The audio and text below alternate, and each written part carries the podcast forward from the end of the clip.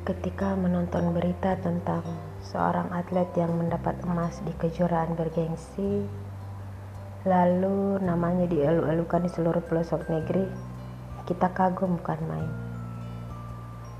Ketika melihat seorang musisi asal Indonesia namanya bersinar di kancah dunia, menjadi artis yang go internasional, kita turut bangga dan terus saja membicarakannya.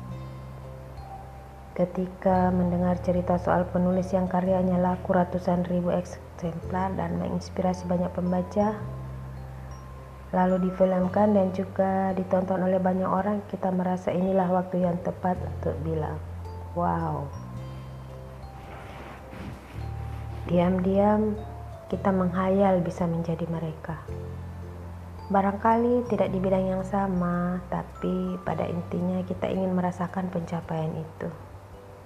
Kita ingin hidup sebagai pemenang.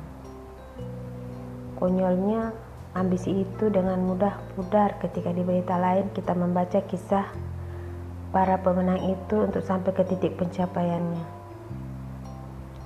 Kita tak sampai hati saat mengetahui aneka pengorbanan yang mereka lakukan. Ada keringat dan air mata yang bercucuran. Juga di sana ada ego dan rasa malas yang dibunuh atas nama kedisiplinan. Kemenangan besar sering kali tampak seperti puncak gunung es di atas permukaan laut. Seolah-olah ia hanya mengapung begitu saja. Padahal, jika kita menyelam ke bawah, kita akan sadar bahwa puncak gunung es itu hanyalah bagian kecil dari satu bongkahan gunung es yang begitu besar. Sebagian besar dari bongkahan yang tak terlihat secara langsung adalah beragam permukaan itu tidur lebih sedikit, bekerja lebih keras, susah payah memulihkan diri dari kekelahan dan kegagalan, menutup telinga dari rayuan-rayuan untuk menyerah, dan berbagai macam godaan lainnya.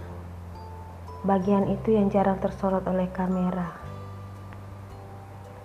Ada pepatah yang berkata bahwa perjalanan panjang selalu diawali oleh satu langkah kecil.